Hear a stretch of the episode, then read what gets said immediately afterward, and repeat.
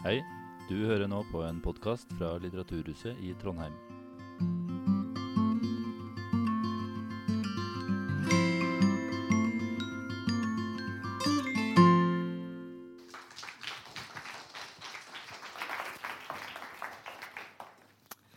Hjertelig takk for det, og hjertelig takk for en kjempemorsom invitasjon. Altså, jeg har da i motsetning til min forgjenger her eh, aldri jobbet eh, faglig med, med Ibsen. Men jeg syns at denne bestillingen her var helt usedvanlig både inspirerende og, og, og, morsom, så jeg har hatt det ganske, eh, ganske fint selv når jeg har eh, forberedt meg til, til dagen i dag.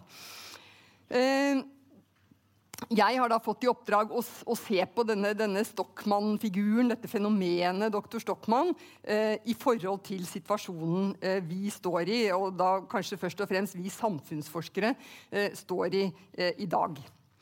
Og man kan spørre seg hva, hva handler egentlig eh, dette, dette Stockmann-fenomenet om, eh, hvis noe? Og jeg vil mene som et utgangspunkt at det bor potensielt et Dr. Stockmann-fenomen i all faglig virksomhet.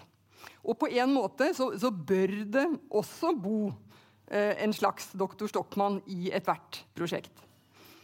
For en, en folkefiende alluderer til selve fundamentet for akademisk virksomhet. Kritisk, uavhengig, analyserende virksomhet. Det man i gamle dager kalte for sannhetssøken.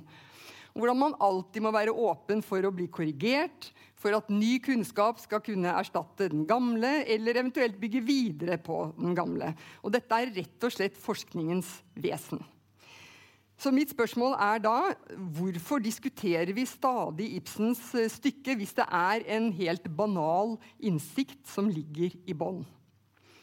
Og jeg tror det kan være litt ulike eh, grunner til det. Stykket som sådan, altså som, som, teater, er veldig ibsensk. Evigvarende, engasjerende. Ved å være både eksistensielt og allment. Og dessuten så er det til de grader en del av vår kanon. Eh, I hvert fall for oss som har eh, kommet oss over middagshøyden. Eh, men det er også mer avledede forhold som gjør stykket aktuelt og interessant, som jeg skal komme litt tilbake til. Men eh, også fra, fra mitt ståsted en lynrask eh, repetisjon av handlingen. En slags Rema-variant av, av, det dere har hørt Magne Nylenda presentere her. og da med noen mm, sosiologiske briller. Sunnhetsbadet har vi hørt mye om. Viktigste inntektskilde, viktig stikkord. Eh, forgiftet. Småbyen er konteksten. Jeg var ikke klar over at det var Skien som, som eh, antagelig var konteksten, men like fullt. Dette her gjelder jo veldig mange av Ibsens stykker. Bygdedyret lurer i kulissene. Vi snakker om et lite univers. Det er småborgerligheten som, som eh, dominerer. Livet bak ligusterhekken. Og det er snakk om veldig oversiktlige maktstrukturer. Og Ibsen avslører om og om igjen opportunisme og knehøneri. Og det er det jo masser av i dette, dette stykket her. Kanskje mer enn i de aller fleste andre Ibsen-stykker. Og doktor Stockmann er i sannhet omgitt av ryggesløse individer. Og opp mot dette, som, som vi har veldig fint eh, hørt, så står han da en bauta i prinsippfasthet og intensitet. Og resultatet som vi absolutt alle vet, Stockmann blir en folkefiende. Og Konsekvensene er store og alvorlige for ham selv og familien. De blir utskammet, som vi kanskje ville sagt i dag. De mister livsgrunnlaget. Og vi kan oppsummere at minoritetsbeskyttelsen er her minimal. Eh, dissidenten eh, derimot viser mot og standhaftighet og integritet og punchline. Det er den sterkeste mann osv. Skipet forlater de synkende rotter. Kort sagt, som så ofte hos Ibsen, så er moralen ikke entydig. Vi er i traumenes og nevrosenes kraftfelt. Og vi finner også et vell av sosiologiske og psykologiske problemstillinger. Og det interessante er, som, som så ofte eh, hos Ibsen, det motsetningsfylte. Forholdet mellom sannhet og egeninteresse, flertallstyranniet, på bekostning av individets rett til å tenke annerledes, og til å, å handle ansvarlig ut fra overbevisning. Men også motsatt. Hva som kan skje når man lar seg forgifte av overbevisning, renhetsdrift, selvopptatthet, fundamentalisme, selvrettferdighet osv. Dette er jo, som vi har fått malende beskrevet, veldig usjarmerende egenskaper. Og, og, det er ikke effektivt, eh, det er, det er mangel på alliansebygging osv. Han ofrer resulta resultater for prinsipper. Og vi har jo alle kjent noen sånne opp gjennom årene. Uh, utvilsomt i, i, større eller mindre grad. En som man sier sånn ja, ja til, og, og underforstått la ham eller henne holde på. Og hundene gjør, og karavanen går rolig videre. Men til relevansen. Jeg mener Ibsens Stockmann stadig er interessant. Fordi disse grunnleggende idealene er kontinuerlig under press. Men uh, dette stykket kan tas i litt ulike retninger, og jeg skal legge vekt på to forhold. For det første forholdet mellom økonomisk eller politiske interesser og forskningens integritet. Og for det andre forskningens oppgave som potensiell doxa-bryter. Og med begrepet doxa så mener jeg de rulende eller hegemoniske verdensbilder, alle tatt for gitthetene, de forestillingene vi er blinde for fordi vi lever midt i dem, eller som vi eventuelt ikke ønsker å fremheve fordi eh, vi kan ha politiske eller etiske anfektelser. Og denne interessesiden, som, som, jo stykket er veldig eksplisitt fullt av, den er på en måte litt sånn clear cut. Eh, selv om de involverte aktørene veldig ofte forsøker å tildekke sammenhengene. F.eks. tidligere fiskeriminister Per eh, Sandbergs uttalelser om at eh, fiskeriforskningen burde være mer næringsvennlig, kan være et kanskje litt plumpt eksempel i denne sammenheng. Men mer generelt forvaltningsbehov og profitthensyn representerer et kontinuerlig press på forskningens uavhengighet. Oppdragsforskning, som står sterkt i en norsk sammenheng, er sårbar for eksplisitte og ikke minst implisitte føringer. Avhengigheten av eh, finansiering, som alle vi forskere er såre klar over, eh, er nødvendigvis veldig sentralt. Oppdragsgivere stiller åpne eller dulgte krav mot å gi forskningen ressurser. Og ikke minst, veldig viktig, forskeren lærer hvordan man må agere og argumentere for å få midler. Men også institusjoner som Norges forskningsråd kan være en, en skranke mot nytenkning. Kravet til store prosjekter, tverrinstitusjonelt samarbeid, impact-orientering, som har blitt et nytt ord i, i senere tid, og strømlinjeformingen av selve søknadsskrivingen, vektleggingen av tidlige meritter eh, osv. Alt dette her kan ha en konserverende funksjon. Selve søknadsretorikken er jo i ferd med å bli profesjonalisert. Altså alt dette her peker i en, i en konserverende retning som, som kan utfordre uavhengighet og ikke minst nytenkning. Den originale, nyskapende idé kan faktisk i praksis ha relativt dårlige kår, selv i verdens rikeste og frieste land, med verdens mest sjenerøse finansiering av samfunnsforskning. For det er faktisk Norge. Som universitetsforsker så står jeg noe friere enn oppdragsforskeren når det gjelder sårbarhet overfor finansiering. Så jeg kan tenke meg å legge større vekt på andre og mer avledete Stockmann-forhold her i kveld. Nemlig dette med doxa-brytingen. Og her er vi over i det mer kulturelt faglige. Det kan handle om det vi, som vi på 70-tallet kalte for ensretting, tanketvang eller mer eller mindre subtile sensurmekanismer som er styrt av den hegemoniske forståelse. Og her er vi potensielt alle syndere. Og høyst sannsynlig så er vi alle sammen syndere i større eller mindre grad på et eller annet tidspunkt. Disse mekanismene har også veldig tette koblinger til offentlig debatt. Så hvordan kan vi da karakterisere opinionsklima og ytringsrommet i Norge i dag. Jeg mener at vi har en veldig sammensatt situasjon. Mye tyder på at klimaet oppleves som barskt. Det skal vi sikkert høre mer om etterpå fra Kjersti eh, Torbjørnsrud. Mange, også forskere, uttrykker at de ikke tør eller ikke orker å delta i debatter på kontro kontroversielle områder, som innvandring, klima, kjønn osv. Mange snakker om angsten for å utfordre, angsten for å delta. Men samtidig så deltar folk mer enn noensinne. På den andre siden så har vi et, et litt annerledes problem. Vi har dette med, med alternative fakta, konspirasjonsteorier, som var, var fremme her i, i, sted. Så det er en litt forvirrende situasjon, kanskje. Eh, det er eh, flere doxaer som eh, eksisterer parallelt, eller noe beslektet som man kaller for ekkokamre, på én og samme tid.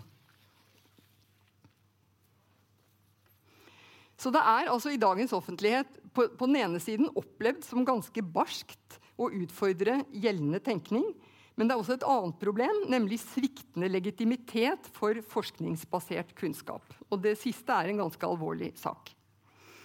Vi har fått polarisering på noen eh, samfunnsfaglige forskningsområder hvor det gjerne er konkurrerende og ganske fastlåste hegemonier.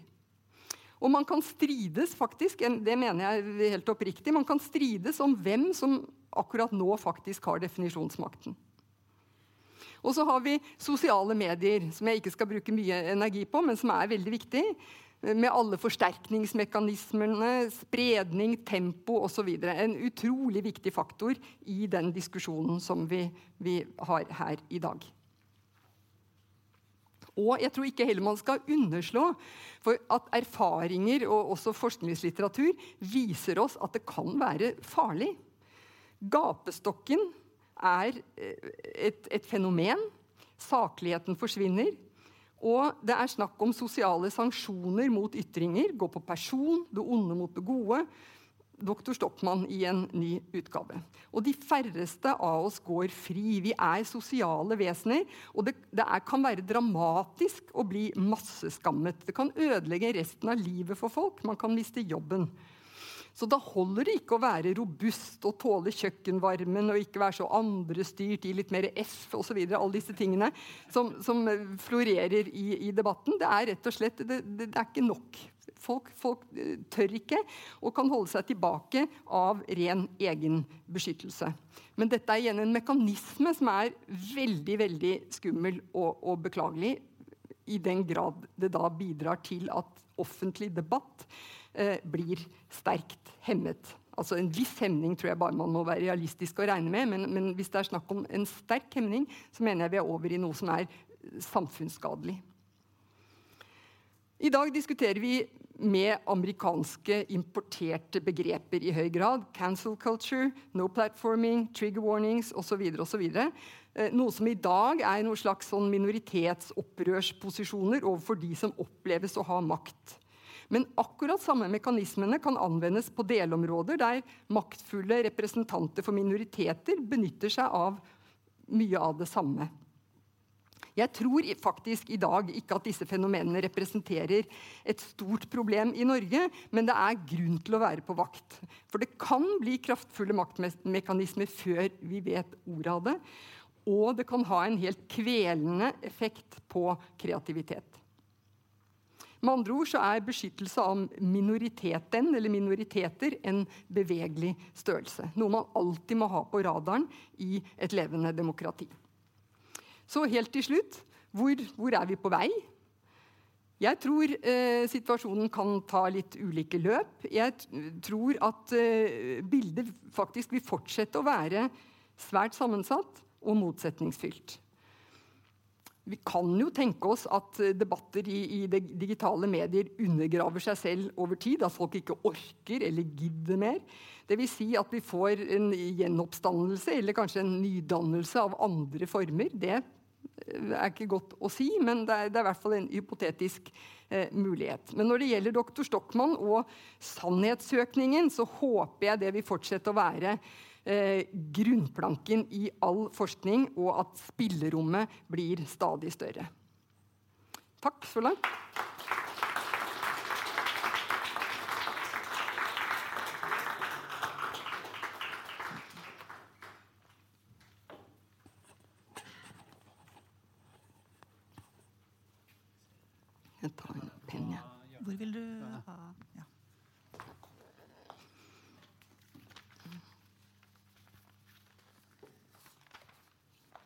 Skal vi se. Eh, kan alle sammen eh, høre meg? Jeg kan i hvert fall høre meg selv. så Det er et, eh, et godt tegn. aller først så vil jeg bare si, og Dette sier jeg på alle møter jeg er for tiden, men det er utrolig godt å se dere. Utrolig godt å være i et ekte rom med ekte mennesker, og ikke drive og ha disse møtene foran en skjerm. Så bare krysser vi fingra for at dette er sånn det blir fra nå av. Det er kjempeflott. Og så vil jeg si velkommen til hele panelet.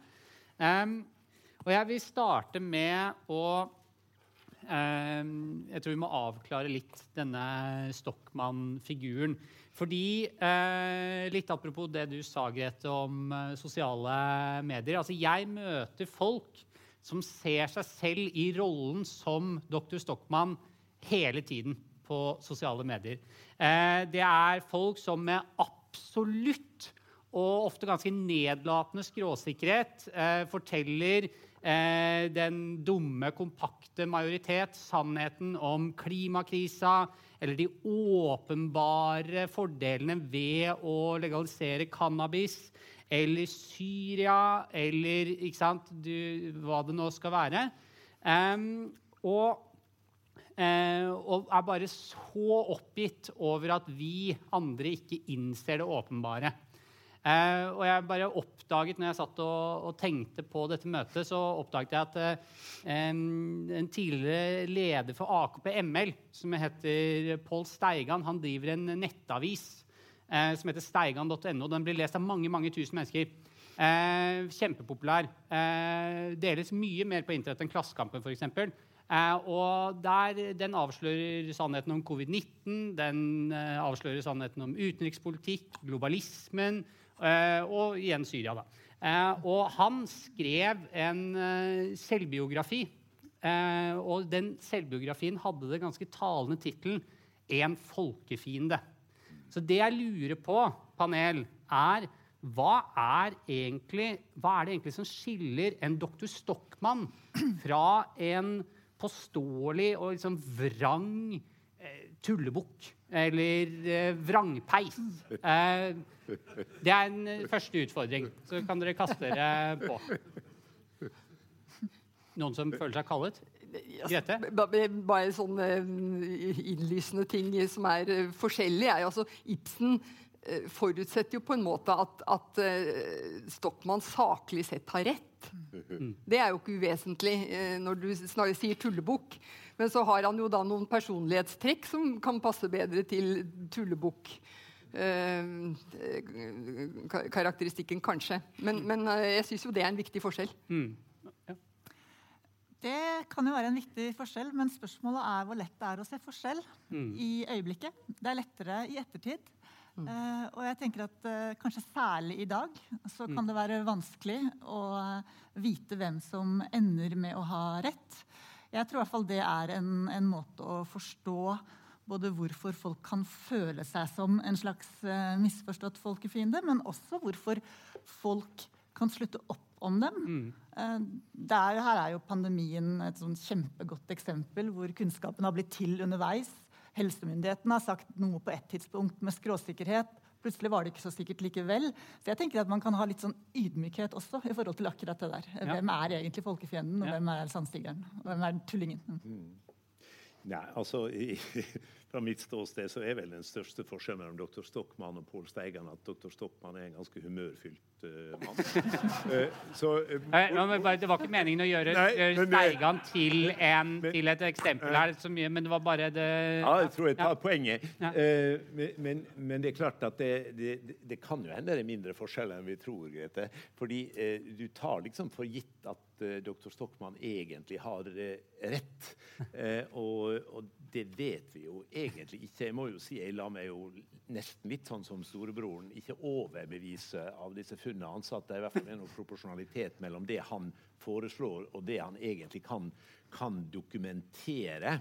Eh, men det som eh, jeg tenker når jeg hører en samfunnsforsker eh, og, og, jeg tenker på folk som driver med aksjonsforskning og sånne ting. I motsetning i hvert fall til mye medisinsk forskning, og særlig basal forskning, så vil jo jeg stille spørsmålet Sett nå at, at doktor Stockmann er vitenskapsmann og forskeren, i hvilken grad vil vi at det er forskerne som skal styre verden? Altså, I hvilken grad er det forskerne som skal bestemme prioriteringene i den nye regjeringa nå?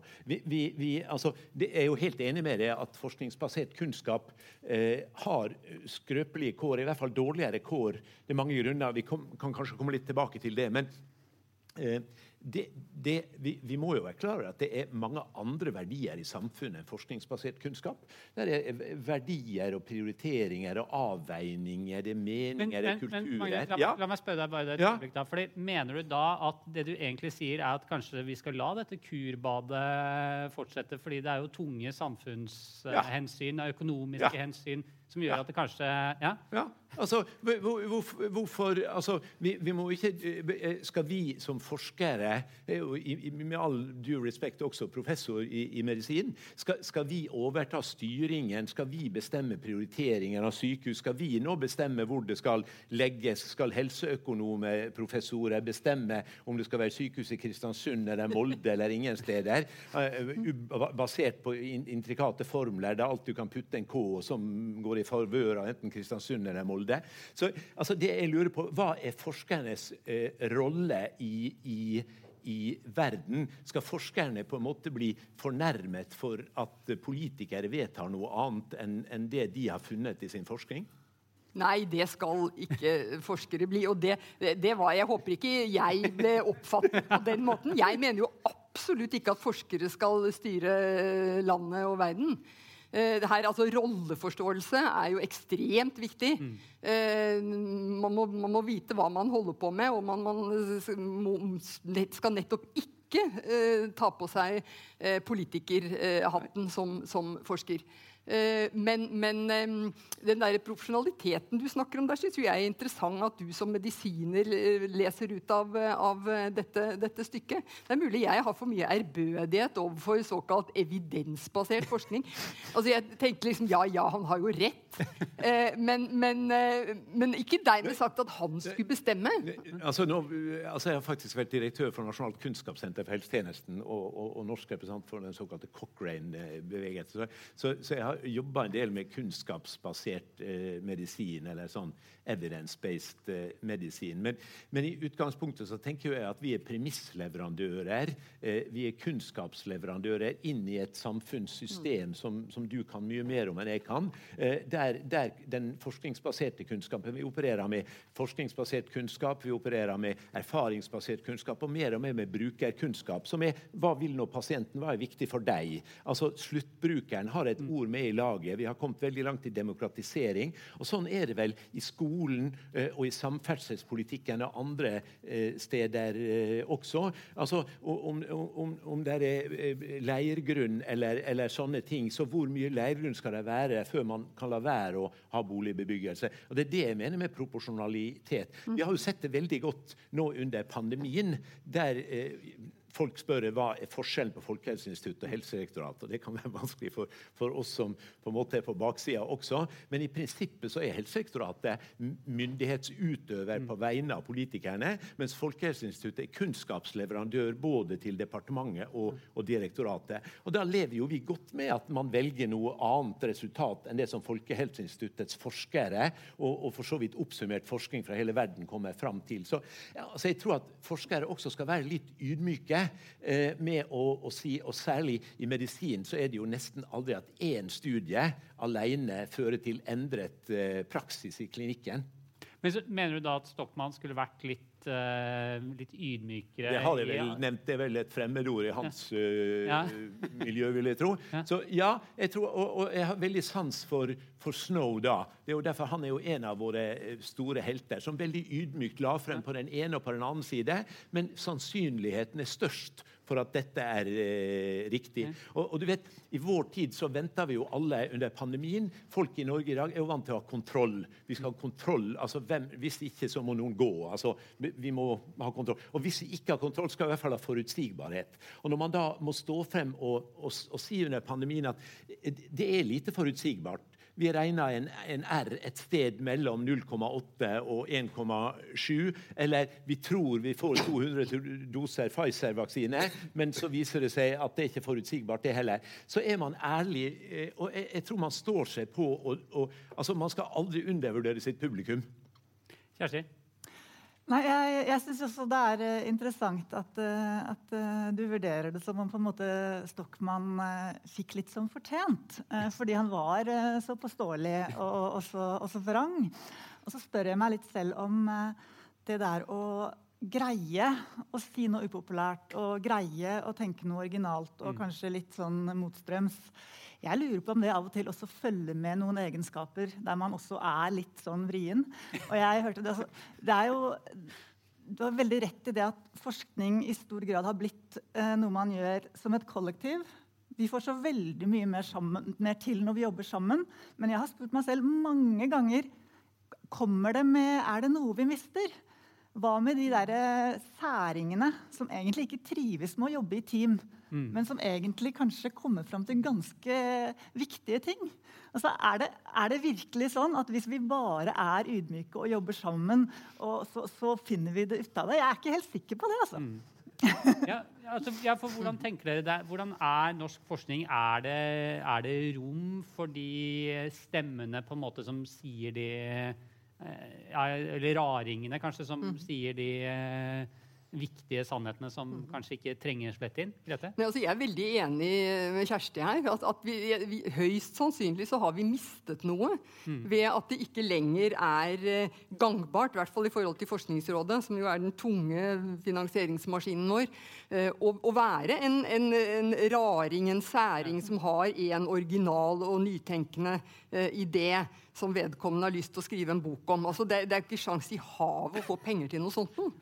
Altså sånn at, at, Det er noe med de der tunge strukturene som ja. har utviklet seg, som, som, gir noen føringer, og som legger noen, noen ganske klamme rammer for, for eh, litt sånn spenstig, eh, sær tenkning. altså. Men fordi Da er det på en måte systemet som senker seg ned ovenfra litt sånn, og så lager noen bokser som folk opererer innafor. Ja, Magne også, Kjersti. Ja, det er jo også nedenfra.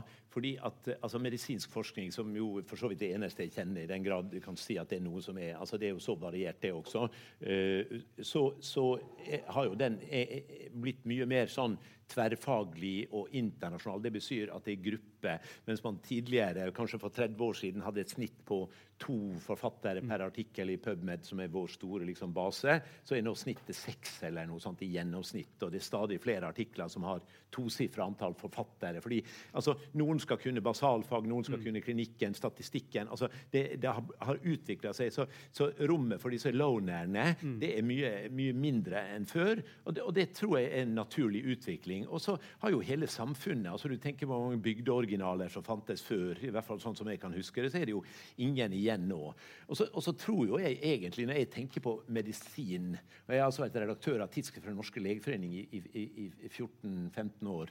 Eh, og når jeg tenker tilbake på de enkeltpersonene som alltid var foruretta og alltid var på en måte satt på siden, eller som alltid følte seg ja, vi, vi, vi, kunne nevne sånne. Og, og, og, de støter jo folk fra seg. Man holder en armlengs avstand fra dem. Og jeg vil si jeg hadde en ganske god innsikt i det miljøet i Norge gjennom disse 15 åra. Eh, så vil jo jeg si at det handler jo først og fremst om personlighetstyper mer enn forskningsfelt og, og forskningsresultater. Altså Det er den, den evnen man har til å eh, ikke få folk med å ikke lykkes. Det er den evnen man har til å holde samarbeidspartnere borte. Ja, nei, altså, dette er det jo veldig lett å, å kjenne seg igjen i. ikke sant? Dette er på en måte liksom karikaturen av disse håpløse forskerne som sitter der inne på kontoret sitt, ikke snakker sammen, mm. er krangler, er uvenner, kan være uvenner over noe de har vært uvenner for for 20 år siden. sant? Mm. Alt det der. Jeg kjenner det igjen. Men jeg lurer på om det er litt viktig å ha to tanker i hodet samtidig. Og jeg har Lenge har jeg vært liksom, etter doktorgraden, kanskje forska i ti år. Og det har skjedd utrolig mye på den tiden. Eh, da jeg skrev min første søknad til Forskningsrådet for sånn ja, tolv år siden, da var det sånn at jeg tenkte at ærlig talt, vi må kunne skrive om hvorfor det vi driver med, er relevant. Mm. Det er det minste man kan forvente. liksom. Det, det, såpass må vi kreve. Og vi må kunne skrive på en måte som gjør at noen andre enn forskerkollegene skjønner hva vi snakker om. Så ja, so far, so good. Mm. Det som har skjedd de siste årene, det er at det har skjedd en liksom omdreining av den skruen der mm. til et slags sånn karaktersystem der veldig mye annet enn originalitet betyr noen ting. Og der vi er blitt en slags type floskelmaskiner. Der vi er avhengig av konsulenter for å huke av på alle karakterene. Og da tenker jeg, da har det blitt et slags sånn maskineri. Mm. Og da frykter jeg nettopp at det er de som faktisk kommer der litt utenfra, har tenkt noen nye tanker.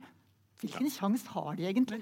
Men, men ja. Vi skal ikke dyppe for dypt inn i detaljene i forskningsverdenen. Men bare fortell litt om, fortell litt om liksom, kravene som på en måte stilles til For jeg, jeg, jeg tror nok på en måte at eh, eh, masse forskjellige på en måte bokser som skal krysses av, det blir på en måte, kan nok fungere som, tenker jeg, da, som en utsilingsmekanisme mot på en måte de de på utsida. Fortell litt om hva slags krav det er man møter i dag. Ja, altså, fordi eh, Det er ikke vanskelig jeg, jeg, tror medisin nesten har enda mer av det her enn en eh, andre fag. fordi at for, Hvis du vil ta en, en, en ph.d. nå, så, så er det aller fleste leter jo et eller annet sted et prosjekt som ligger fiks ferdig. Du går inn i en lab, du går inn i et stort prosjekt som er ferdig søkt og ferdig rigga, og du får en liten bit av det og får beskjed om at det her skal du gjøre. For å, å sette i gang med et soloprosjekt i, i, i dag, eh, det er det umulig. Altså, I den andre enden så kan du si at alt du gjør, vil bli publisert en eller annen gang. Det, det er det helt sikkert med så mange titusener av tidsskrifter. Bare har du tålmodighet, så vil du alltid få det på trykk.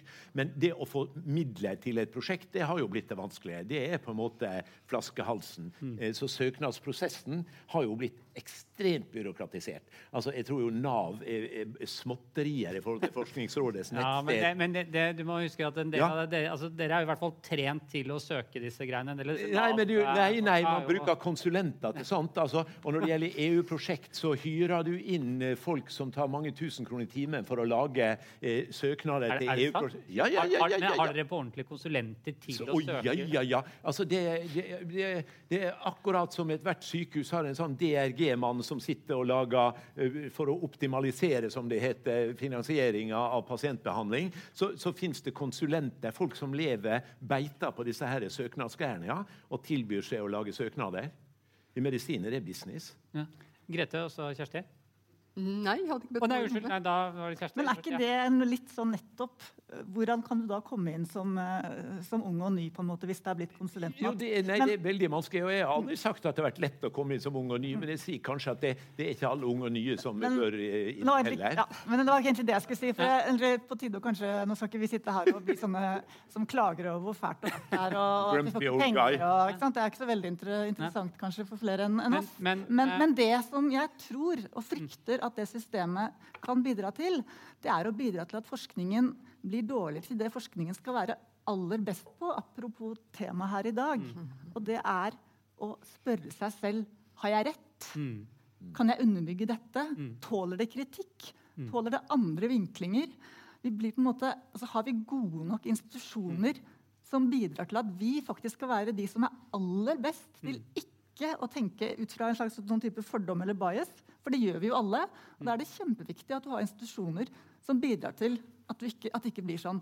Og det jeg frykter er at Når du har fått dette maskineriet, mm. så blir det en slags sånn ja-siing blant forskere. At vi begynner å tilegne oss et språk, og vi begynner å snakke om impact, og vi skal et sted.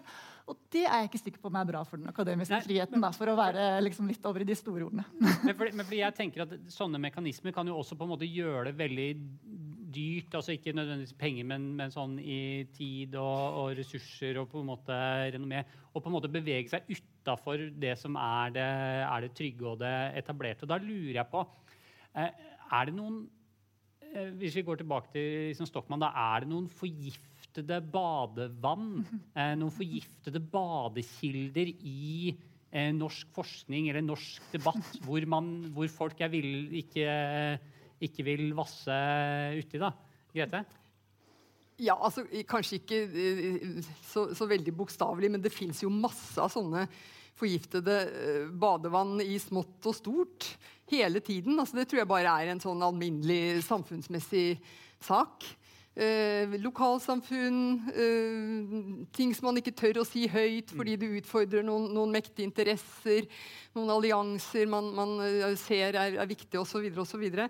eh, så jeg, jeg, tror at, eh, at det, er, eh, det, er, veldig mye av det. Men hvis vi, hvis vi snakker liksom i store bokstaver, altså mye større enn i, i, en folkefiende, for det var jo også et småsamfunn, ja. og sikkert ikke noe som hadde, hadde nasjonal interesse. Eller, Nei, for det, altså, jeg mener, det lå jo, altså hadde, En folkefiende hadde vært et annet stykke hvis det lå på en måte døde turister overalt i Skiens ja, gater, så hadde det vært en annen fortelling. Det var jo ikke det. Det var, det var, det var smått. Det var, ganske, ganske, smått, men, men, eh, antagelig uh, også viktig.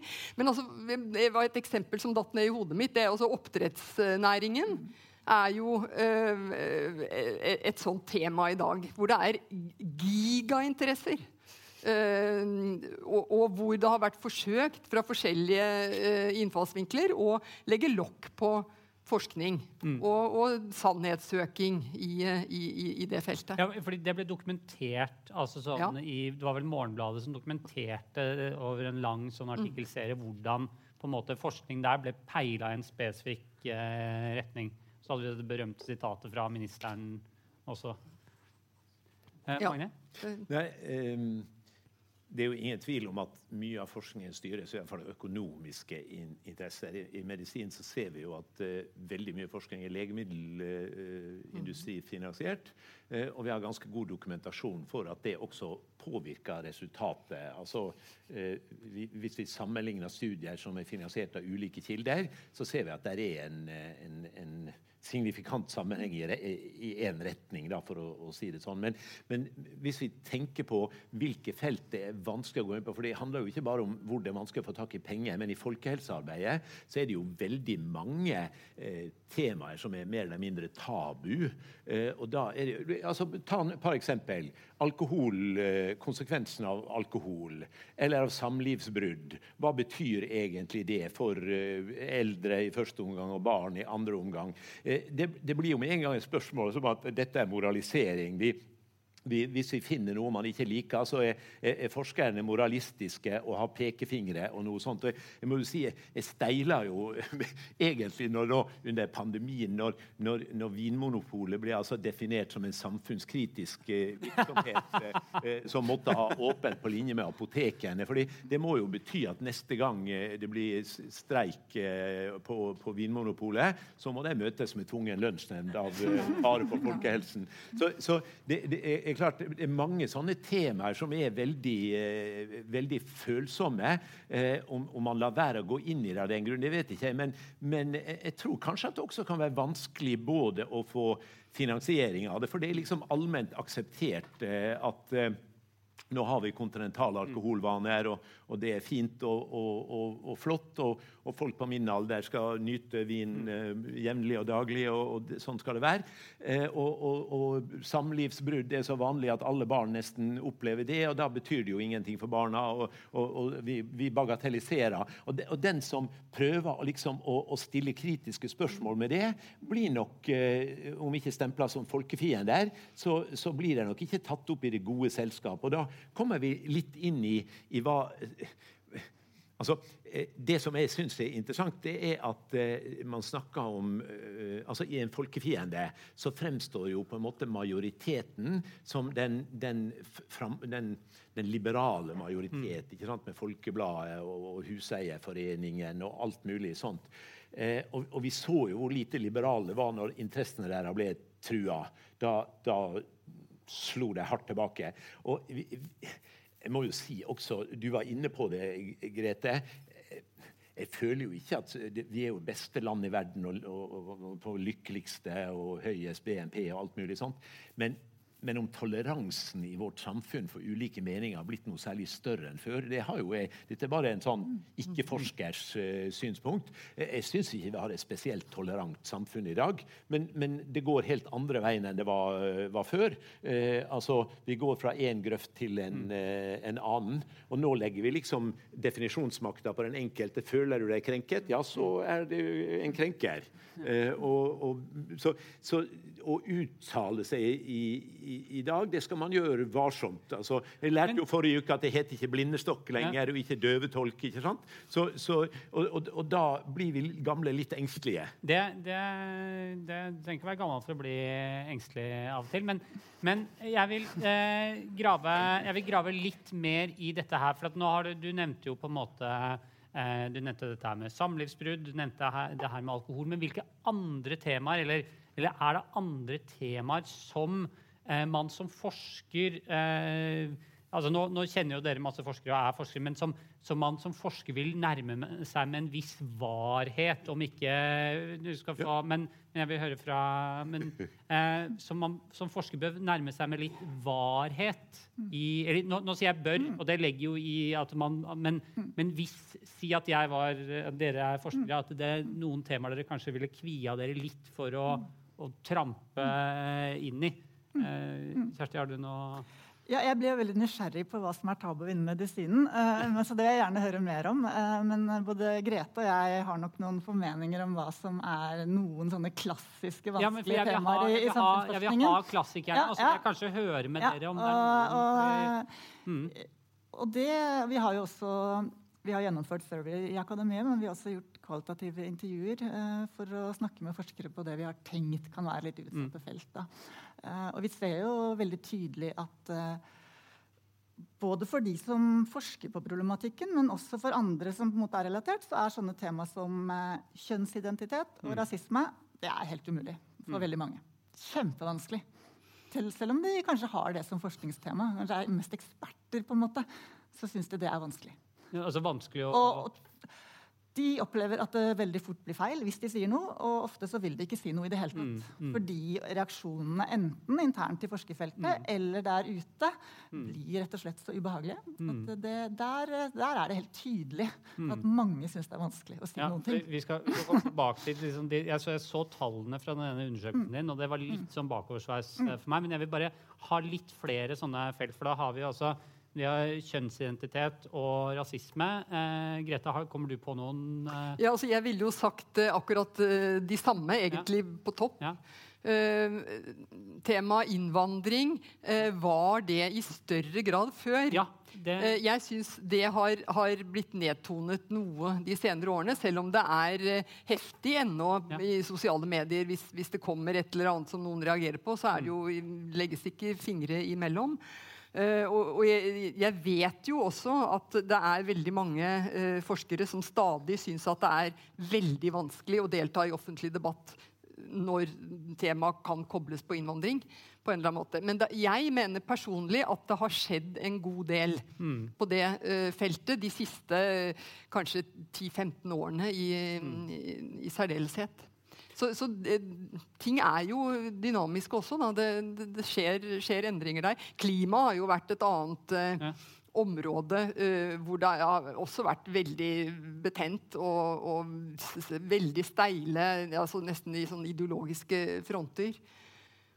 Veldig bra. Magne? Hva, ja, et veldig konkret eh, eksempel eh, i medisin er det som kalles kronisk utmattelsessyndrom. Ja. Ja, også ME-syndromet. Eh, da jeg var direktør for, for, Kunnskapssenteret, så hadde vi faktisk en medarbeider som måtte få hemmelig telefonnummer pga. trusler fra det miljøet. Jeg pleier jo litt sånn populært å si at alle diagnoser som har mer enn to pasientforeninger, skal du passe deg litt for. Ja. Uh, da er det ulike innfallsvinkler til problemstillingen som ofte konkurrerer uh, med hverandre. Uh, og da blir frontene veldig steile. Og da, da, har man funnet sannheten og er veldig lite interessert i å søke noe mer sannhet. Og da er det enten så er ME en psykiatrisk diagnose, eller så er det en, en Eh, som vi kaller schizokokkene, som det letes etter fortsatt. Altså, da er man ute etter en, en eh, infusoriene til eh, doktor Stockmann, de fysiske kontagier, mm. eh, som skal påvise hva det er. Da er det en kjemisk forstyrrelse i kroppen. Ja. Eh, og, og, og, og, gå inn i Jeg hadde en, en britisk kollega, en psykiater, som var verdenskjent. Eh, ja, Vi skal la være å, å navngi han, men, men, han forlot faktisk det forskerfeltet for, som han sa, for noe som mm. er eh, fredeligere. Han begynte å studere terrorofre i Midtøsten. Ja.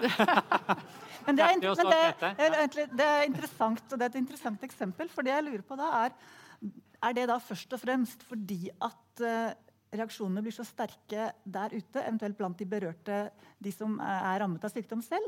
Eller er det også tabufylt internt i medisinen? Ja da også internt. Du har supportere på, på, begge sider, langt opp i de professorale Det kan du se av leserbrevene. sikkert det. Men, men, men, eh, massen er jo der ute. Halshugg, halshugg. Det er jo på sosiale medier. Og, og det, det, er, klart at i, i, disse tider så er det jo morsommere ting å gjøre enn å lese kommentarfeltene til, eh, til ja. sånne ting. slik at det, jeg må si jeg forsto veldig godt våre ansatte som helst ville, ville jobbe med andre ting. Og da var det snakk om å lage kunnskapsoppsummering der vi altså gikk gjennom alt som var skrevet rundt i verden. Vi gjorde systematiske litteraturoversikter. Vi, vi, vi så på alt eh, både når det gjaldt forekomst og behandling og, og sånn og sånn. Eh, og vi oppfatta oss jo som helt eh, nøytrale sånn i den forstand. Jeg mener at vi var så lite forutinntatte som det går an, men, men vi fikk beskjed om å holde oss unna. og, og det var veldig sterke følelser. Grete? Ja, altså et, et, tema som er altså helt sånn rykende aktuelt akkurat i, i disse dager, eh, som eh, Kjersti og jeg hadde en liten utveksling på her før, før vi begynte, det er jo dette med internasjonalisering i, eh, i akademia. Der plutselig så, så, kom det en voldsom eh, sak eh, i, i, Krono, som sikkert mange her eh, kjenner, kjenner, til. Eh, Cecilie Hellestveit hadde en brannfakkel. Jeg trodde egentlig ikke at det var en brannfakkel, men det viste seg å være det. Ved å si at internasjonaliseringen av eh, norsk akademia er en trussel mot samfunnsnyttig Mm, forskning. Eh, og at eh, det blir ekstremt vanskelig for yngre rekrutter i Norge i det hele tatt å komme seg i posisjon. For, for meg, Grete, du må, bare, du må, bare, forklare litt hva internasjonalisering av forskning ja. er. bare i jo, altså, det, det, handler jo om at altså, alle stillinger nå lyses ut internasjonalt. Og uh, man, folk som vil inn i akademia, i, ha stillinger i dag, de konkurrerer med altså, hele verden i prinsippet, og særlig EU-regionen. Uh, som jo ikke var uh, til stede på samme måte for bare noen få år siden. Og det gjør jo at, at folk som da ikke behøver å i det hele tatt skule til å, å være gagns mennesker, samfunnsborgere i en norsk setting, lære seg hvordan eh, eh samfunnet fungerer, delta i offentlig debatt osv. Folk som overhodet ikke har noe forhold til det, de kan komme seilende inn fordi ja. de har noen perfekt uh, formulerte CV-er og har gjort akkurat de riktige tingene og skrevet de, de riktige tidsskriftene osv. Og, så og da sier ja. Hellestveit det er et problem. Det er et problem, ja. sier hun. Og da reagerer og da noen. er det altså uh, Folk med utenlandsk bakgrunn i norsk akademia har altså gått helt av skaftet. og, og, og kommer, har kommet med voldsomme utfall mot henne, og at hun burde sensureres og burde ikke siteres i norsk presse. Altså da, jeg må bare si jeg ble utrolig overrasket over at det temaet ble et sånt altså, deltabu. Da. Ikke generelt, men altså i en litt snever sammenheng. Kort, Magne. Ja, nei, men altså, Magne er aldri kort. Eh, nei, men, men, men, jeg skal prøve. fordi altså, Det handler om den toleransen som, som vi tror vi, vi har. Eh, altså, Jeg begynte som stipendiat for 40 år siden i, i Oslo.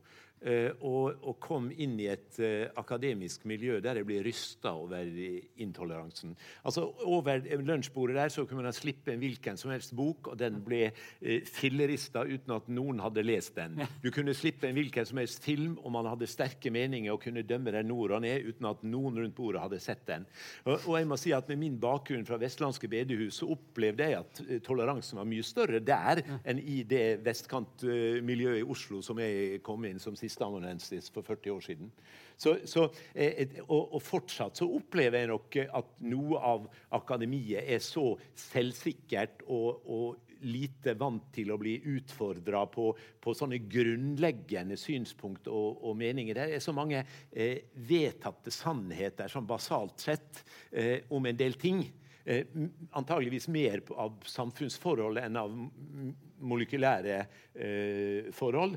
Men Altså, og, og, også for personer. Du blir fort stempla. Altså, jeg sier at det har mest med personlighet å, å, gjøre, men hvis du har vært litt modig, så kan det sitte ved deg i, i ganske mange år etterpå. Men la oss se litt på, se litt på forskning på det. Fordi at, eh, Kjersti, du har jo da vært med å lage en større undersøkelse eh, hvor man har snakket med forskere om på en måte hvilke temaer er det man, man kvier seg for og sånt. Og, den, og, og, ulike spørsmål. Og der er det sånn at Ni av ti forskere de mener at de bør stå helt fritt til å uttale seg om faglige spørsmål.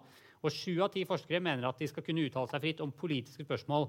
Men likevel så er det altså da en tredjedel som er redd for å bli oppfattet som politiske aktører når de deltar i offentligheten som fagperson. Og kanskje eh, enda mer alvorlig, vil jeg si, da, er det altså sånn at forskere er mindre tilbøyelige til å formidle kontroversielle funn. Eh, hvis funnene oppfattes som at de kan oppleves som krenkende. Eh, og under en tredjedel ønsker å formidle slike funn til nyhetsmediene. Den siste biten her syns jeg som journalist er veldig problematisk. Um, men hva slags temaer er det de ikke vil formidle? Hva er det de ikke er redd for? Altså, vi har snakket litt om hva slags temaer, men, men hva er det man er redd for? Og hvilke eh, reaksjoner er det på en måte man er redd for å få? da? Ja, nei, Vi har jo prøvd å stille så konkrete spørsmål som mulig for å prøve å fange opp noe av dette her. For at, eh, som du refererer til, så er jo tilslutningen til ikke minst den faglige friheten er jo mm. sterk. Det ville vært alle alle er at alle er veldig enige om det. Og så viser vel kanskje tallene når det gjelder dette her med eh, å være, om man blir oppfatta som politisk aktør, eller om man skal kunne delta i debatter om ting man ikke har forska på.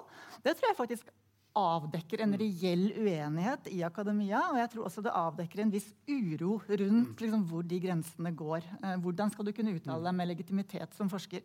Men, men det er noe så. Men så er det da det andre. Det er når vi da spør på en måte, har du latt være å formidle et funn. Konkret. Ikke, ikke hvordan syns du det burde være, men har du latt være? Og da kommer det jo opp noen sånne Det ene er politisk kontroversielle tema. Mm. men det er også hensyn til arbeidsgiver, arbeidsmiljø. Eh, det er at man er eh, engstelig for eh, kritikk og hets. Og hetsen man og Vi har også sett at folk faktisk har opplevd det de betegner som mm. hets, i minst like stor grad fra internt i mm. akademia som der ute fra. Mm. Sånn at det Ja. Og så ser vi jo da at det er ikke så overraskende, kanskje, men det er jo Samfunnsvitere er jo mer engstelige, også, samtidig som de tenker mer på karriere. faktisk. Og vi har singla ut eh, klimaforskere og migrasjonsforskere og, og, kjønnsforskere. Og det betyr ikke at det ikke er andre kontroversielle temaer. Vi kunne ha fokusert på det og funnet mm. interessante tall der også, men det var en antakelse vi hadde at det var interessant å undersøke. Mm. Og da ser vi også at de er eh, Særlig, eh, særlig, migrasjons- og kjønnsforskere er mer engstelige for en er å formidle kontroversielle funn, og også medienes ut tilbørlig forenkling. Ja, og dette det. henger sammen. Og det skal man egentlig ikke helt kimse av. Nei. Og det tror jeg liksom alle som har jobbet med noe som kan oppleves som kontroversielt, har erfart. Det er at hvis du da ikke får sagt det med dine ord, ja. hvis du ikke får klart liksom, premiss på premiss på mm. premiss, så blir det i hvert fall vanskelig. Mm. Eh, så derfor så blir det liksom Én ting er å si et eller annet som faller litt sånn forenkla ut hvis det ikke er så farlig. Mm. Tabloid overskrift da, det gjør ikke så mye. Men hvis det handler om for en sårbar minoritet, da mm. føles det plutselig veldig feil. og da blir veldig ubehagelig. Kan jeg bare fortelle en bitte liten sånn, mm. uh, historie, egenopplevd historie derfra? Fordi jeg ble, eh, Som journalist så ble jeg for et par år siden så ble jeg henta inn til NTNU for å drive en slags sånn derre eh, tillitsbyggemøte med forskere på NTNU. Som var rett og slett en slags sånn møt en journalist og se at de ikke er så farlige og på en måte spør journalisten spørsmål om hvordan de jobber, og på en måte bygg relasjon med journalist. Så jeg var der som en litt sånn der, henta inn som en sånn der, miniterapeut da, som skulle hjelpe dem på en måte å, å, komme seg over frykten for å snakke med media.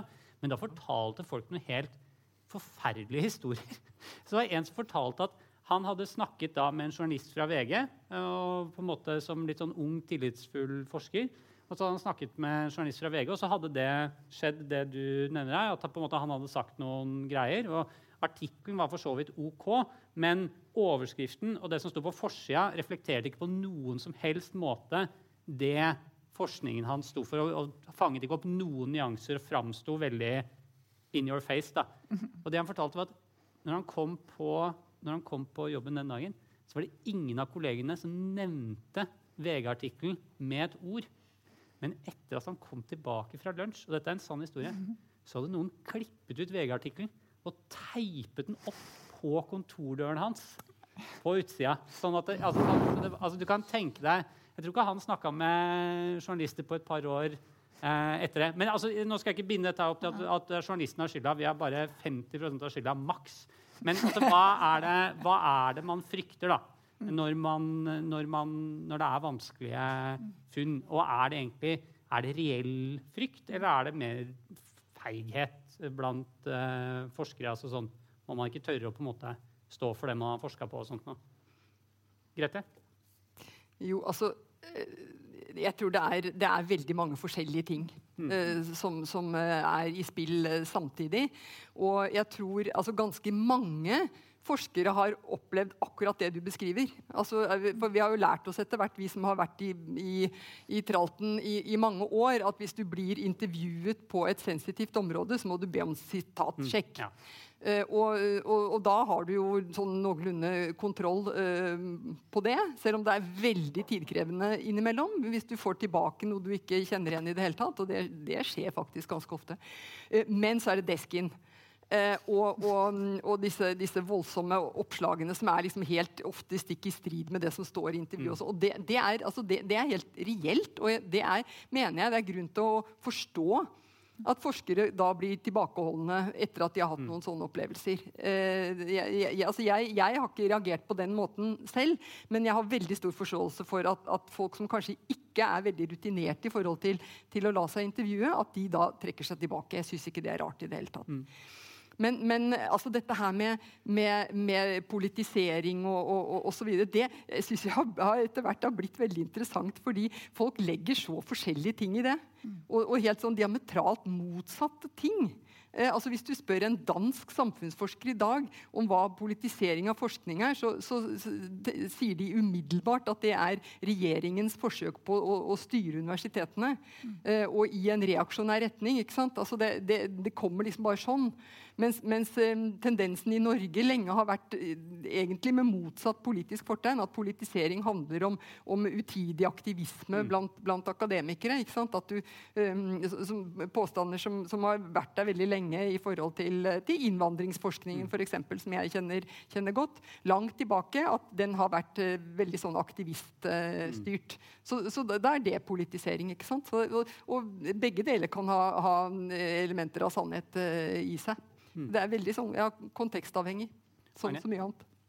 Ja, Fra politisering til polarisering. fordi eh, i, i, i, dagens samfunn så ønsker man jo på en måte spenning og, og, og debatt 18 og Dags 18. Og, mm. altså, mer enn en gang så har jeg vært sånn bakmann for Dagsnytt 18 eh, og så spør hvem skal være temaet. Og jeg sier at her er det sånn på den ene side og på den andre side.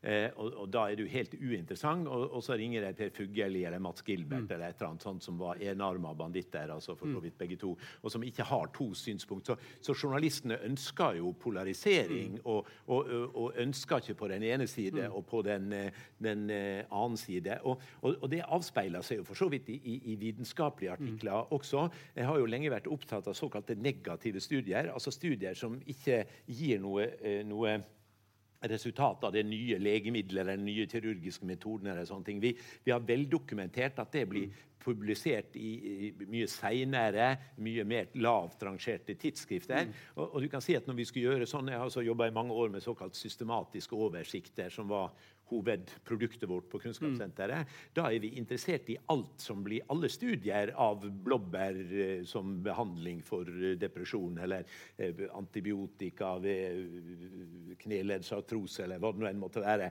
Og så prøver vi å finne, og Da er vi veldig interessert i negative studier, for de positive de finner vi jo med en mm. gang. De, de kommer opp, Men det som er interessant, det er å slå sammen alt det der og se om, om det repliseres. eller sånn, For det vil alltid være, når du, når du gjør sånne studier, så vil det alltid være variasjon i, i funnet. Mm. Og vi prøver da å, å, både teste styrken av dokumentasjon og styrken av, av effekten. Så, så ja, altså det må jo nesten spørre journalisten tilbake. Har, har, mediene og journalistikken også et ansvar her ved at man er, er uinteressert i, i lange resonnementer som sier på den ene og på den andre siden. Man vil ha enkle konklusjoner eh, og, og korte svar. Mm. Ja, altså, åpen, altså den, den, Det du snakker om der, er jo en åpenbar på en måte sånn lov for hva som er en god nyhet, og hva som er en dårlig nyhet. Altså sånn, En forskningsartikkel som sier litt dette og litt dette, er helt åpenbart mye mindre interessant enn en artikkel som sier bam. En hardtslående forsker er mye mer spennende, som kommer med klare greier, enn en forsker som på en måte sier det er mye. Så, altså sånn, så, så ja. Det tror jeg på en måte egentlig alle journalister alle er enige om på en måte at dette her er på en måte et prinsipp vi, vi jobber etter hele tida. Altså, nå er det jo en ting er på en måte at mediene polariserer, men så har du jo også på en måte de sosiale mediene altså som, mer, som, som, og algoritmer som belønner ja, ja. på en måte de der, de der forskningsartiklene som skaper mye engasjement. Og sånt, og det forsterker jo for oss igjen. da, at når vi ser at vi legger ut denne forskeren som sier et eller annet som sier pow, enten, eh, og så reagerer sosiale medier fordi det er pow, eh, det er klart at det forsterker jo for, eh, for oss også. Men jeg, jeg, vil spørre dere bare forresten, Snart kommer jeg til å åpne for spørsmål fra salen. jeg sier fra nå, sånn at dere kan mentalt forberede dere på at det, hvis dere skal rekke opp hånda, så har dere på en måte litt Ja. Eh, men da vil jeg spørre dere, for her har vi jo disse, disse tallene til, til, Kjersti som viser at det er veldig mange som på en måte har kvia seg, som har latt være eh, å, å uttale seg eller fronte. Har dere noen gang følt på den frykten? Har dere holdt tilbake? Eh, ikke tatt den telefonen fra journalisten eller på noe vis på en måte ikke orket å gå ut i det fordi dere tenker Nei, vet du hva, det er liksom, snart er det helg, og det der Jeg gidder ikke det der. Eh, eller jeg orker ikke den runden der. Eh, har dere opplevd det sjøl noen gang? Eh, hva skal man si? Ja. Ja, nei, Grete, Grete, kan starte. Grete kan starte. Okay, hun hadde det klart. Jeg må tenke litt.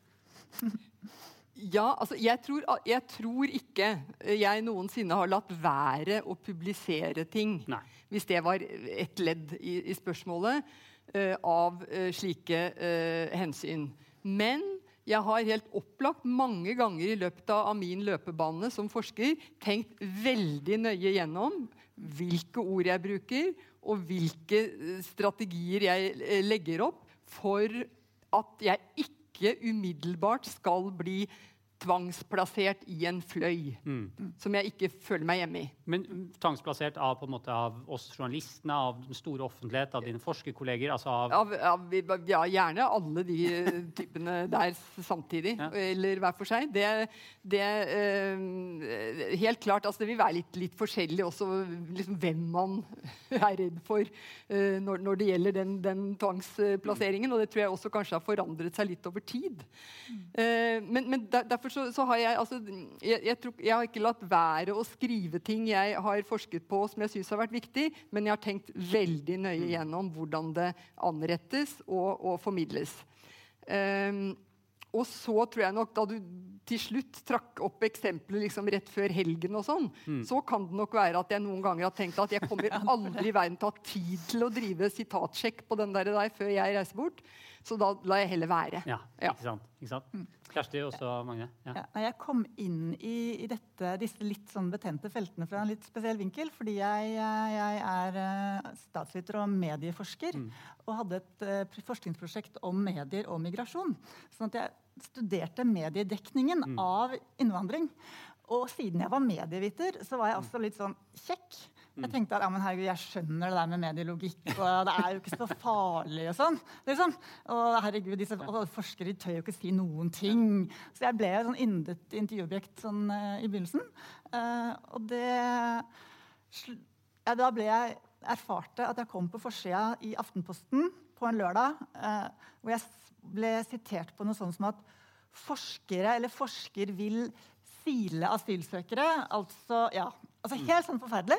Mm. Uh, og det var jo aldri det vi hadde sagt. Og i det mm. hele tatt. Og jeg skrev lesebrev og protesterte, og alt det der, men det ble selvfølgelig liggende. da? Ja, det... liggende på topp. Ja. Uh, etter det så er det alltid sitatsjekk. Ja. Det er alltid veldig nøye veiing av ord mm. når det gjelder litt sånne vanskelige temaer. Mm. Og jeg tror også at det, kan, det som er uheldig for offentligheten, er at det kan skje en vridning der forskere kan være mye raskere med å trekke klare, tydelige slutninger når det er noe snilt. Mm. Når det er noe greit. Mm. Og da kan det bli, og så har man noe tall, og så blir det på nyhetene, og så kommer det. ikke sant? Yes! Ja. Mens alt det der som er litt vanskelig, da er vi veldig mye mer forsiktige. Og kanskje burde vi vært mer nyanserte når vi formidler liksom gladnyhetene. Eh, mens eh, vi eh, på en eller annen måte på å finne en måte å formidle disse kontroversielle tingene på, på også. Og der, altså Masse forskningsrapporter hvor det står masse interessant, og så kommer det en pressemelding. Det veldig, ville vært veldig interessant å gjort en studie av hva som står i den pressemeldingen, Ja. og hva som står bakerst i rapporten.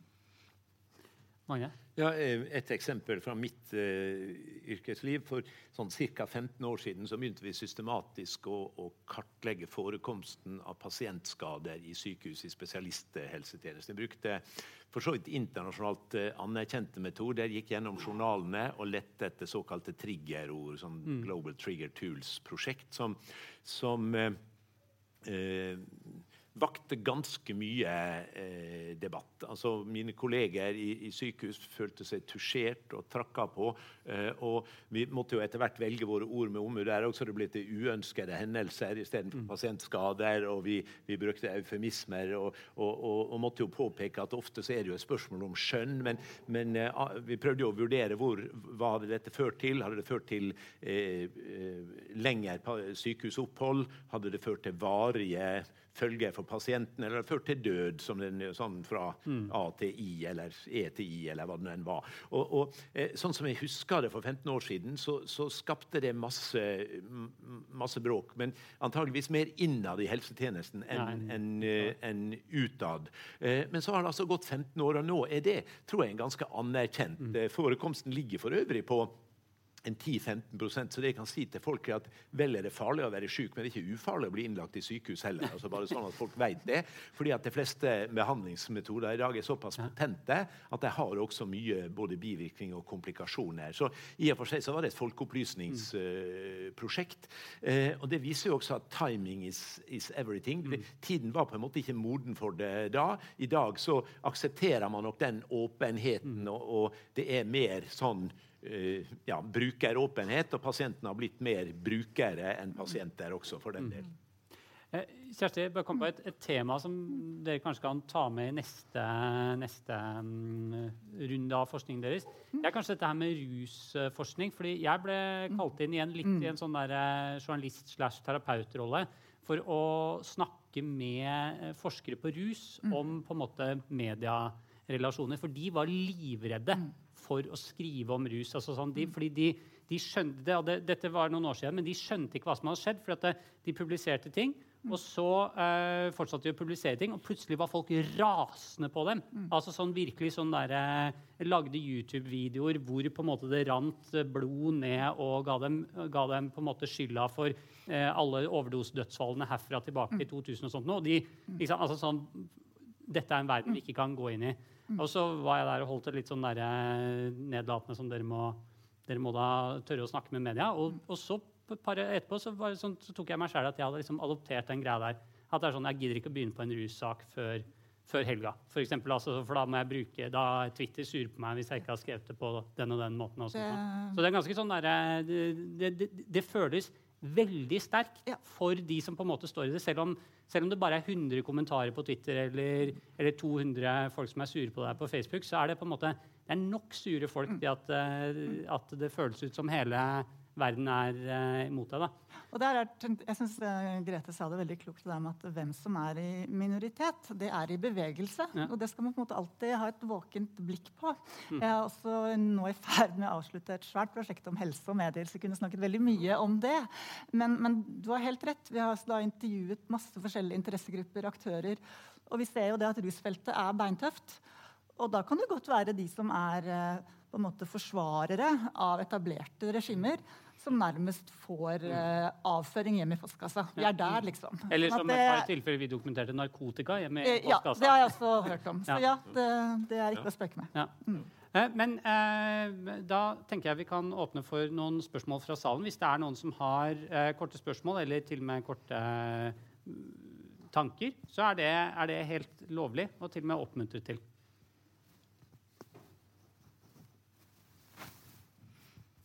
Vær så god. Er det noe mikrofon til publikum? Her kommer det en løpende mikrofon.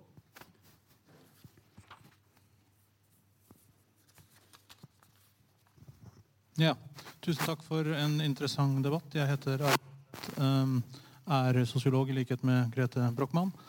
Ehm, dere var for så vidt inne på det, men eh, særlig Kjersti ehm, var litt inne på at det er en eh, Det som kan få oss fra å si noe offentlig, skyldes dels publikum der ute og dels eh, kanskje mer sånn interne eh, kolleger og den type ting. Altså, Men dette er, dette er, to ganske forskjellige ting altså, som jeg tror det, det, kan være viktig å understreke.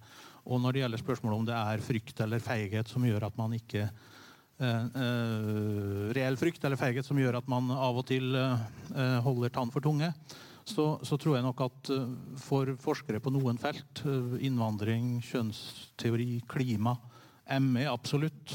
Og, og, rus har jeg også lagt merke til det siste, det siste året. Eh, der er nok eh, Det er helt lett forståelig at noen er tilbakeholdne. Det som er litt mindre forståelig, eh, som jeg tenker, det er altså Hva skal vi si? Det er en viss sånn feighet internt i akademia mot øh, å formidle konklusjoner som legger seg litt på tvers av den politisk korrekte eh, interne enigheten på en del felt. Mm. Og, og, det kan skyldes frykt for at det skal gå utover arbeidsmiljøet. Det kan skyldes eh, i siste instans at man kanskje havner eh, lenger ned på prioriteringslisten av forskningsprosjekter og sånn. Eh, men, men, det vitner også om en litt sånn dårlig utviklet toleransekultur internt i akademiske institusjoner. Og, og det, det, tror jeg er i ferd med å bli en utfordring. Og sannsynligvis er den større enn den var for noen år, siden, noen år siden. At det er på en måte Faglige uenigheter har litt for lett for å bli personlige. Sånn har det nok alltid vært. i, altså Akademikere har jo alltid kranglet, som så Busta har uh, føket. Men det er, det er, noe der som, er, som på noen felt er i ferd med å bli ganske betent. altså. Hører gjerne kommentarer fra dere om det. Grete, du kan starte. Hvis det er noen andre som uh, har innspill, så er det bare å tegne seg. Det er bare en, en sånn spontan reaksjon. Altså, jeg, jeg, deler alle synspunktene du, du, kommer med, men når du til slutt sier at det har, det har, blitt dårligere, så er jeg ikke så sikker på om det stemmer. Altså, jeg, jeg, hadde selv min eh, akademiske barndom eh, på 70-tallet, og da var det mye verre enn nå. Altså. Kort og godt. Eh, det var altså ikke til å, å, å holde ut, holdt jeg på å si, å være i konflikt politisk fordi det tok all energi, og det var altså, altdominerende osv. Det har blitt tross alt veldig mye bedre. Enn, en hvordan det var, var, da. Og jeg synes jo også, altså, Nå uh, vet jeg jo at det er veldig forskjellig uh, klima rundt akkurat det du tar opp, faktisk på ulike institusjoner. Og det er i seg selv også interessant. At det er, eh, det er liksom ikke tidsånden nødvendigvis, men det er veldig lokalt. Ja. Og det er, eh, tror jeg man skal tenke litt mm. mer igjennom hvorfor det er sånn. Altså, hva er det ved, ved lokale akademiske miljøer som, som, hvor, hvor, dette her står dårlig til, da, som du beskriver? Mm. Hva er det ved forholdene som gjør det? For det, det er ikke sånn overalt, altså. Men fortell meg litt om det. Altså, finnes det, hvis du, hvis du havner på en måte, hvis du er en som uh, har på en måte gjort deg upopulær eller brutt med doxaen eller rådende hegemoni. eller sånn. Finnes det på en måte utsilningsmekanismer i akademia? Er det, er det, på en måte utfrysing og mobbing, eller er det på en måte måte man dyttes ut på? Hvordan, hvordan funker det egentlig, hvis du er eh, ja. ja. altså vi, det, man, sitter jo veldig trygt sånn formelt i, i, i akademiske stillinger, men, men altså alle de subtile mekanismene, utfrysing, skamming altså Alle disse fæle eh, sosiale mekanismene som kan, kan, tre i kraft hvis det er noen som ikke er i det gode selskap. Altså det kjenner vi jo til alle sammen, ikke bare fra akademia. Altså det er jo et, et menneskelig fenomen mm. eh, mer, mer, generelt. Men det er klart at, eh, at når det blandes sammen med med faglig uenighet, så er det en ganske heftig cocktail. Altså. altså og jeg oppfatter dere forskere som eh, altså misforstå meg rett, men jeg oppfatter dere som på en måte eh, stort sett ganske vellykka mennesker med på en måte en, en slags sånn selvforståelse av på en måte eh, altså høyt utdanna på en måte at man, man, forventer på en måte sin eh, plass her i samfunnet. og og at på en måte kanskje det kan bli nesten litt sånn verre når det er mange jeg skal ikke si at dere har store egoer, altså det er ikke det jeg mener, men at, det, men at det nesten kan bli litt verre når det er mange på en måte, folk som føler at jeg har på en måte jeg vet ikke uh... Jeg skulle egentlig kommentere litt mer på, på ja, spørsmålet. Men, men altså, har, jeg tror bare for helt kort, det handler vel om at for veldig mange så er jobben livet. Ja. Det er hele identiteten. Mm. Så det har noe med det å gjøre. Men jeg, det er jo veldig vanskelig å si noe om uh, hva som var verre eller bedre før. Uh, vi har jo ikke noen historiske studier på dette her. og man kan jo nesten bli helt slått i bakken når man ser på hvordan diskusjonene foregikk på 70- 80-tallet. Vi tror nesten ikke det er sant, vi som ikke var med. For da var det virkelig politikk, og det var politikk og forskning som den største selvfølgelighet innen en del samfunnsfag. Da. Så det, er sånn, du, du ville bare aldri gått i dag. Men kanskje er det sånn at uh, hver tid har sin utfordring. Og kanskje er uh, noe av problemet blitt større når det gjelder det litt mer sånn implisitte. Uh, det som ikke ikke er klart uttalt som politisk, men som på en måte ligger litt, litt sånn ikke-erkjent, der tror jeg det er en utfordring. Eh, når jeg intervjuer forskere, og de som er litt eldre, de kan jo fortelle om disse kampene. Og de var så sinte på hverandre. og de liksom... Mens jeg intervjuer yngre forskere, så er det veldig mange færre blant dem. Liksom. Det er ikke så mange av de igjen, tror jeg. Men igjen, dette er noe jeg tror. Så jeg har ikke gjort mm. systematiske studier. Skal vi se, Da har vi et spørsmål til der. Ja, takk. Heitan heter Om heter jeg også sosiolog, og så er jeg en av de som har blitt skyldt på land her i det lille landet i nord eh, i den internasjonaliseringsbølgen. Hvis vi ikke kan si så mye om historiske forhold, kanskje ikke har noen studier, så kan vi kanskje si noe om hvordan det er i Norge i forhold til andre land. Og da, da lurer jeg litt på det om det egentlig er så bra at vi ikke lenger kanskje har disse store kampene som på 70-80-tallet. Selv har jeg opplevd da jeg kom hit de første to årene, at jeg sier noe i et møte, og så ser folk litt rart på meg, og så sier de men sånn kan du ikke si, for dere er jo venner.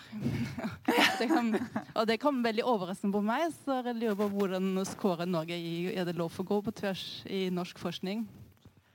Veldig godt spørsmål. Veldig godt spørsmål som ikke jeg har noen gode forskningssvar på. Så jeg tror du kan si minst like mye om det som nettopp en som kan sammenligne og kommer utenfra. Uh, kan liksom bare komme med noen sånne generelle tanker om en slags norsk eh, konsensuskultur, da, hvor vi er venner, og hvor vi alle kjenner hverandre, og hvor det er ganske smått og sånn. Men det blir, eh, det blir synsing, altså, ikke, ikke, basert på konkret forskning. Har dere, noe, dere andre noen sånne erfaringer med andre land og forskjeller i kulturer der? Tror dere Norge er bedre eller verre enn andre land? Nei, jeg, jeg, har ikke noe forskningsbasert kunnskap uh, på det. Men, uh, men, det er jo mange steder. altså Dansk debatt er jo mye tøffere enn den uh, norske generelt, for å ta et nabo naboland. Og så, og så, har vi på en måte den eh, amerikanske politenessen på overflaten, som jo ofte er ganske falsk og uærlig og høflig i møte, men, men kan avspeiles etterpå eller over en øl eller tre. Så, så, men, men, jeg må jo også si at jeg har ikke noe tro på at ting var bedre. Altså, I det hele tatt best før skal forbeholdes bedervelig mat og tilsvarende. Jeg tror det er veldig få ting også i akademiet som var bedre før. Mm. Eh, da har jeg ikke sett noen flere Oi, der, ja. Et spørsmål til. Det er noen som ikke har vært berørt. Jeg heter Geir Jacobsen, en emeritus eh, i samfunnsmedisin her i Trondheim. Eh, vi har en kollega som heter Ian Chalmers. Han er veldig kjent, for han har vært med å etablere dette Cochrane-samarbeidet. Han skrev i 1990 en artikkel i Yama som het underreporting research is scientific misconduct. Mm. Og det har ikke vært berørt her i kveld. Eh, eh, men, men, det fikk eh, avstedkom det at NAVF, som det het den gangen, de, de lagde noe som het et, et uredelighetsutvalg. Der satt Magne Nylenda som medlem, og jeg var hans vara. Og eh, det det handla om, det var jo en studie som vi gjennomførte her i Trondheim. Hvor vi spurte alle de som hadde hatt en studie til vurdering i Forskningsetisk komité om de hadde kjennskap til at det var råtne epler, altså uredelighet, om de kjente til det. Og det var en ganske overveldende andel som svarte ja. Eh, ved en inkurie så fikk en journalist kunnskap om det. Jeg hadde artikkelen inne til vurdering til redaktøren. Eh, og han slo da selvfølgelig opp dette med det svære antallet. Eh, og så var det da en klok person som sa er dette hearsay? Mm. Altså, er, er, det, er, det noen, er, det mange som vet om noen få, eller er det realiteten? Men da det sto på forsida i Aftenposten, så var det det store antallet av uredelighet som mm. var det, eh, det, som var i fokus. Og jeg syns det kan være greit å ta med dette også i denne sammenheng. At én ting er å på en måte bli klistra opp på kontordøra. Noe annet er å komme med påstander som kanskje burde vært gått etter mm. litt mer i sømne. Eh, men som da avstedkommer at her skapes det et bilde av noe som kanskje ikke er tilfellet. Men på en annen side så er det jo slik at det med underreporting research mm. det er et fenomen, og det er noe annet enn det at du har en, en, på en måte en seleksjon av de positive studiene sammenligna med de som ikke viser noen ting. Det er også da eh, noe som er reelt. og eh, Eksempelet eh, hadde vi også her i Trondheim, hvor det var en studie som notorisk ble holdt tilbake, som viste en positiv effekt som ikke var til stede. Mm, ja. Nei, altså, uh, Grete snakka om uh, sviktende legitimitet for forskningsbasert kunnskap. og Forskningsrådet gjør jo noen sånne surveys jevnlig og viser at tiltroen til forskning den har vært større før. Mm. Om det betyr at ting var bedre før, det er en annen sak. Men vi må litt innom årsakene til at forskning på en måte ikke fremstår sånn som det gjorde før. Fordi Du skal bare tilbake til meg, jeg har også samme generasjon fra 70-tallet hvis det sto fram en mann med hvit frakk og et stetoskop rundt halsen, så trodde man på det. Mm. Det var stort sett han, da. Eh, sa hvis hen nå står frem i, i, i, dag, så får de eh, litt mer motbør og mm. litt mer kritiske spørsmål med god grunn. Og, og i, i, medisin så må jeg si at det med uredelighet eh, det har vært et undervurdert eh, problemstilling. Det har vært veldig litt åpenhet. Det vil si, vi fikk en sånn eye-opener med Sudbø-saken i 2006, mm. men før det så trodde man nok at forskere var laget av et annet stoff. Altså, var, jeg husker når jeg kom inn i det første NAVF-utvalget, sånn, så, så, var det en gammel lærer av en professor som ringte meg og sa jeg er svært skuffet, du var en så flink student, og sånn, og nå er du med å kaste skitt på, på, på forskerne ved å antyde at de kan være uredelige. Mm. I dag har jeg bokhylla full, altså ikke eh, med, med bøker om eh, case om uredelighet. Og, og, og, det trekkes tilbake artikler, og, og covid-19 eh, altså Nå er det publisert over 200 000 eh, covid-19-artikler i PubMed, og, og, og, det har aldri vært trukket tilbake så mange sånne preprint. Altså, dette kunne jeg snakke veldig mye om, for dette har jeg interessert meg for i ja. 30 år. Men, men altså, vi, vi, vi, må være oppmerksom på at forskningen må se på seg sjøl, mm. og vi vet ikke om det er toppen av et isfjell, mm. eller om det er et og annet råttent teppe. Men altså, så kort oppsummert, så litt, Hvis det er litt mistillit mot forskning, ja. så kan det være en sunnhetsreaksjon også? Ja, altså, bør, litt sånn nødvendig skepsis? Ja, det skal være skepsis Eh, til det. Fordi altså, Jeg har også vært generalsekretær i Legeforeninga, og, og, da var det jo sånn at vi gnei oss i hendene hvis eh, NRK eller Adresseavisen sånn hadde oppslag. Og jeg tenker jo, Hver gang jeg hører nyhetssendinger på radio, så tenker jeg på hvis det ikke er brann eller ulykke, eller sånn, hvem er det som gnir seg i hendene nå? Hvem har solgt dit mm. den saken akkurat i, i, i, dag? Vi var ganske gode den tida til å selge inn legeforeningsstoff vil jeg si, i media, eh, og, og, og var stolte over det. Men eh, vi nærmer oss faktisk, eh, faktisk eh, kveldens slutt. Men, men, jeg vil eh, avslutte med et, eh, sånn en liten utfordring. Fordi eh, vi har jo snakket mye om hvordan det er på en måte å gå på tvers i, i forskningen. på en måte At det kan kanskje være litt harde arbeidsforhold for, for stokkmannene. Men hvem er vår tids uh, doktor Stockmanner? Har dere, kan dere liksom peke ut noen i nær fortid eller i vår tid nå som på en måte er, er stokkmanner. Altså, Gudmund Hernes hadde i, for, i, en artikkel i forbindelse med denne festivalen hadde pekt ut Greta Thunberg som en, en stokkmann eh, av, eh, av, vår tid. Det resonnerte litt med meg. Men har dere noen, eh, har dere noen eh, kandidater til ja, noen Stockmanner? Grete? Ja, jeg bare en kommentar til dette med Greta Thunberg. Jeg syns ikke det var veldig treffende. Du syns ikke det? Nei, jeg syns ikke det. Fordi altså, hun har jo, hun har jo eh, blitt bejublet bejublet eh, globen rundt i de mektigste forsamlinger og blir klappet opp og altså, Hertuginnens omfavnelse er det noe som heter. Altså, det, det er en, et annet Ja. fenomen. Nettopp, Jeg nettopp, syns ja. ikke hun er noen eh, typisk Stockmann, altså. Eh, Men jeg, godt, ja, ja. men, men jeg tror det er eh, masser av stokkmanner rundt omkring. Men, men eh, det er ikke så mange av dem kanskje på, på sånn eh, nasjonalt eller eh, globalt eh, nivå. Eh, altså En person som datt ned i hodet mitt, eh, var jo Altså Erik Damman var kanskje en sånn person før i tiden. Eh, Gi oss en bitte liten innføring i han. Hva-? Det resonnerte ikke hos meg. Hvem, var, hvem er han? Nei, altså Han var ekstremt tidlig ute, på tidlig 70-tall, med å eh, stifte bevegelsen 'Fremtiden i våre hender'. Og hvor han virkelig slo på stortromma for å, å varsle eh, befolkningen i forhold til eh, miljøproblemet og, og altså, i, etter hvert også klimatruslene. Eh, og, og ble, altså fikk et visst gehør, men han ble også mye latterliggjort. og jeg, tror, jeg tror han ville ha et og annet å si hvis han ble spurt om, om eh, parallellene til, til, til Stockmann. Magne? Ja, jeg, jeg tror på en måte enten så må man være 90 år, sånn som Erik Damman var nå i, i sommer, eller så må man være død. Fordi altså, det går en viss tid før du ser om de hadde rett.